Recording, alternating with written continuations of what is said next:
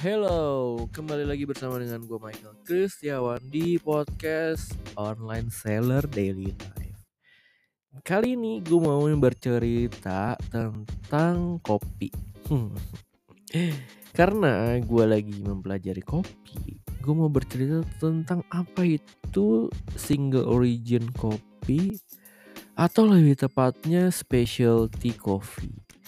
Nah, apa yang membedakan kopi-kopi ini? Ada juga kopi komersil, ada juga kopi kopian, fotokopi mungkin. Jadi gue bakal bahas tentang ya lebih detail tentang specialty coffee ya. Jadi apa yang membedakan itu? Nah, gue bakal ceritain di podcast episode ini. Jangan ke mana-mana, stay tune.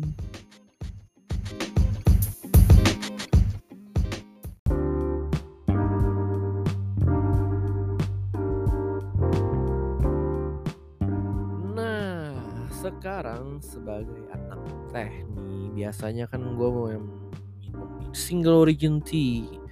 Jadi tehnya itu berasal dari suatu perkebunan tertentu. Nah kali ini gue mau membahas tentang single origin kopi.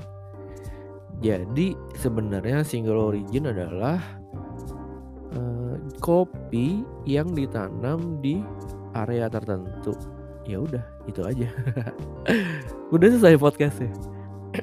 Enggak jadi ceritanya ada yang namanya specialty kopi. Nah kopi specialty itu mementingkan kualitas. Dan dia biasanya varietasnya adalah arabica terus bisa di trace jadi bisa dilacak.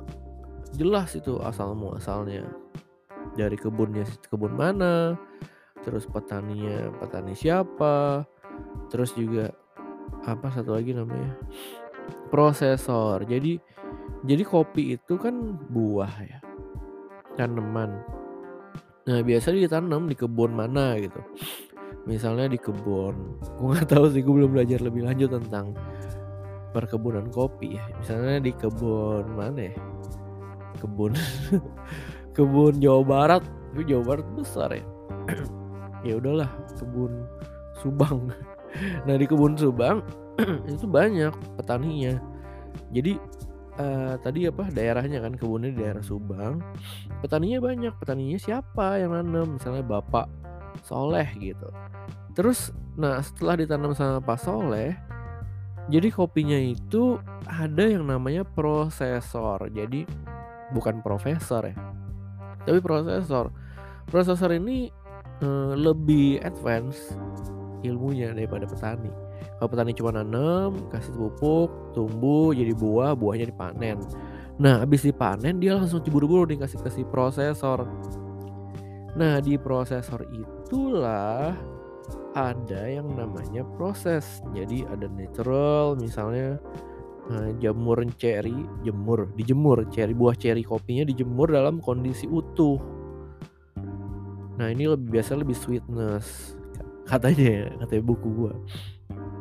Nah, kalau natural tapi ada pulpnya, kulit arinya dikelupas. Jadi jemur cherry kulit luar dikupas gitu.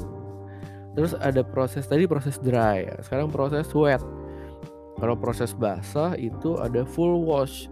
Jadi nanti uh, sebelum dijemur cuci dulu sampai getah-getahnya hilang. Habis itu ini biasanya lebih kompleks, lebih clear katanya gitu. Nah kalau semi wash dikupas sampai parchment. Bingung kan lo?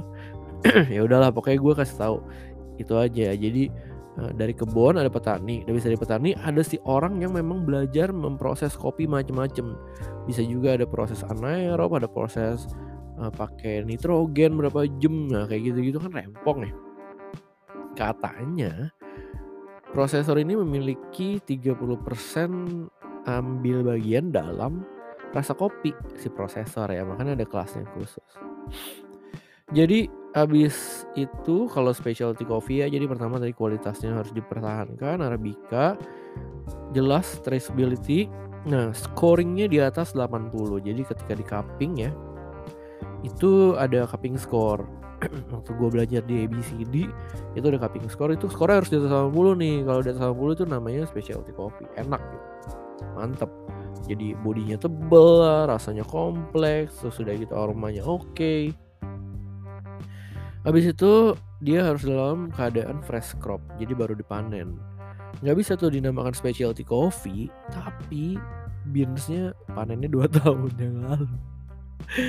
Ya mungkin ya bisa aja sih dia bilang specialty ini specialty.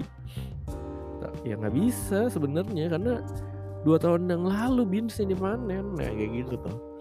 Habis itu eh, dia harus dalam bentuk beans utuh sama zero primary defect. Terus SHB strictly hard beans gue gak tahu nih SHB ini apa arti.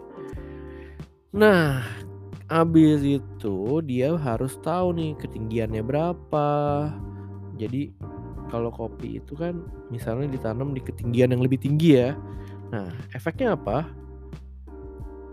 Efeknya gue lupa catatan gue apa. Jadi ceritanya gini kalau di di matahari yang lebih apa di dataran tinggi kan dia terkena matahari itu lebih sering. Jadi fotosintesisnya lebih mantep katanya gitu. Jadi lebih tebel buahnya lebih gede-gede. Katanya gitu. Gue juga nggak tahu sih.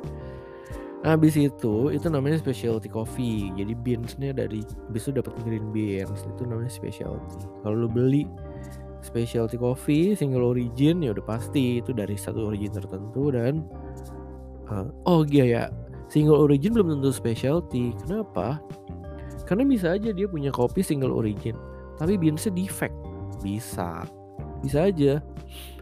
Terus juga nggak menang kop cupping 80 jadi bisa aja emang beansnya jelek. jadi single origin belum tentu specialty ya. Nah, terus ada juga namanya kopi komersil. Nah, kalau komersil ini ya boleh lah itu pakai beans beans yang udah dipotong eh dipotong dipanen dari dua tahun yang lalu gitu. Boleh aja nggak apa-apa. Yang penting kan di sangrai tetap enak. Tetap wangi kopi ya. Gitu. Terus yang defect-defect misalnya kayak beansnya pecah gitu terus kecil-kecil. Ya pecah tuh misalnya ya gimana ya namanya juga biji kan udah biji terus dia kering kan habis dijemur sama petani ya.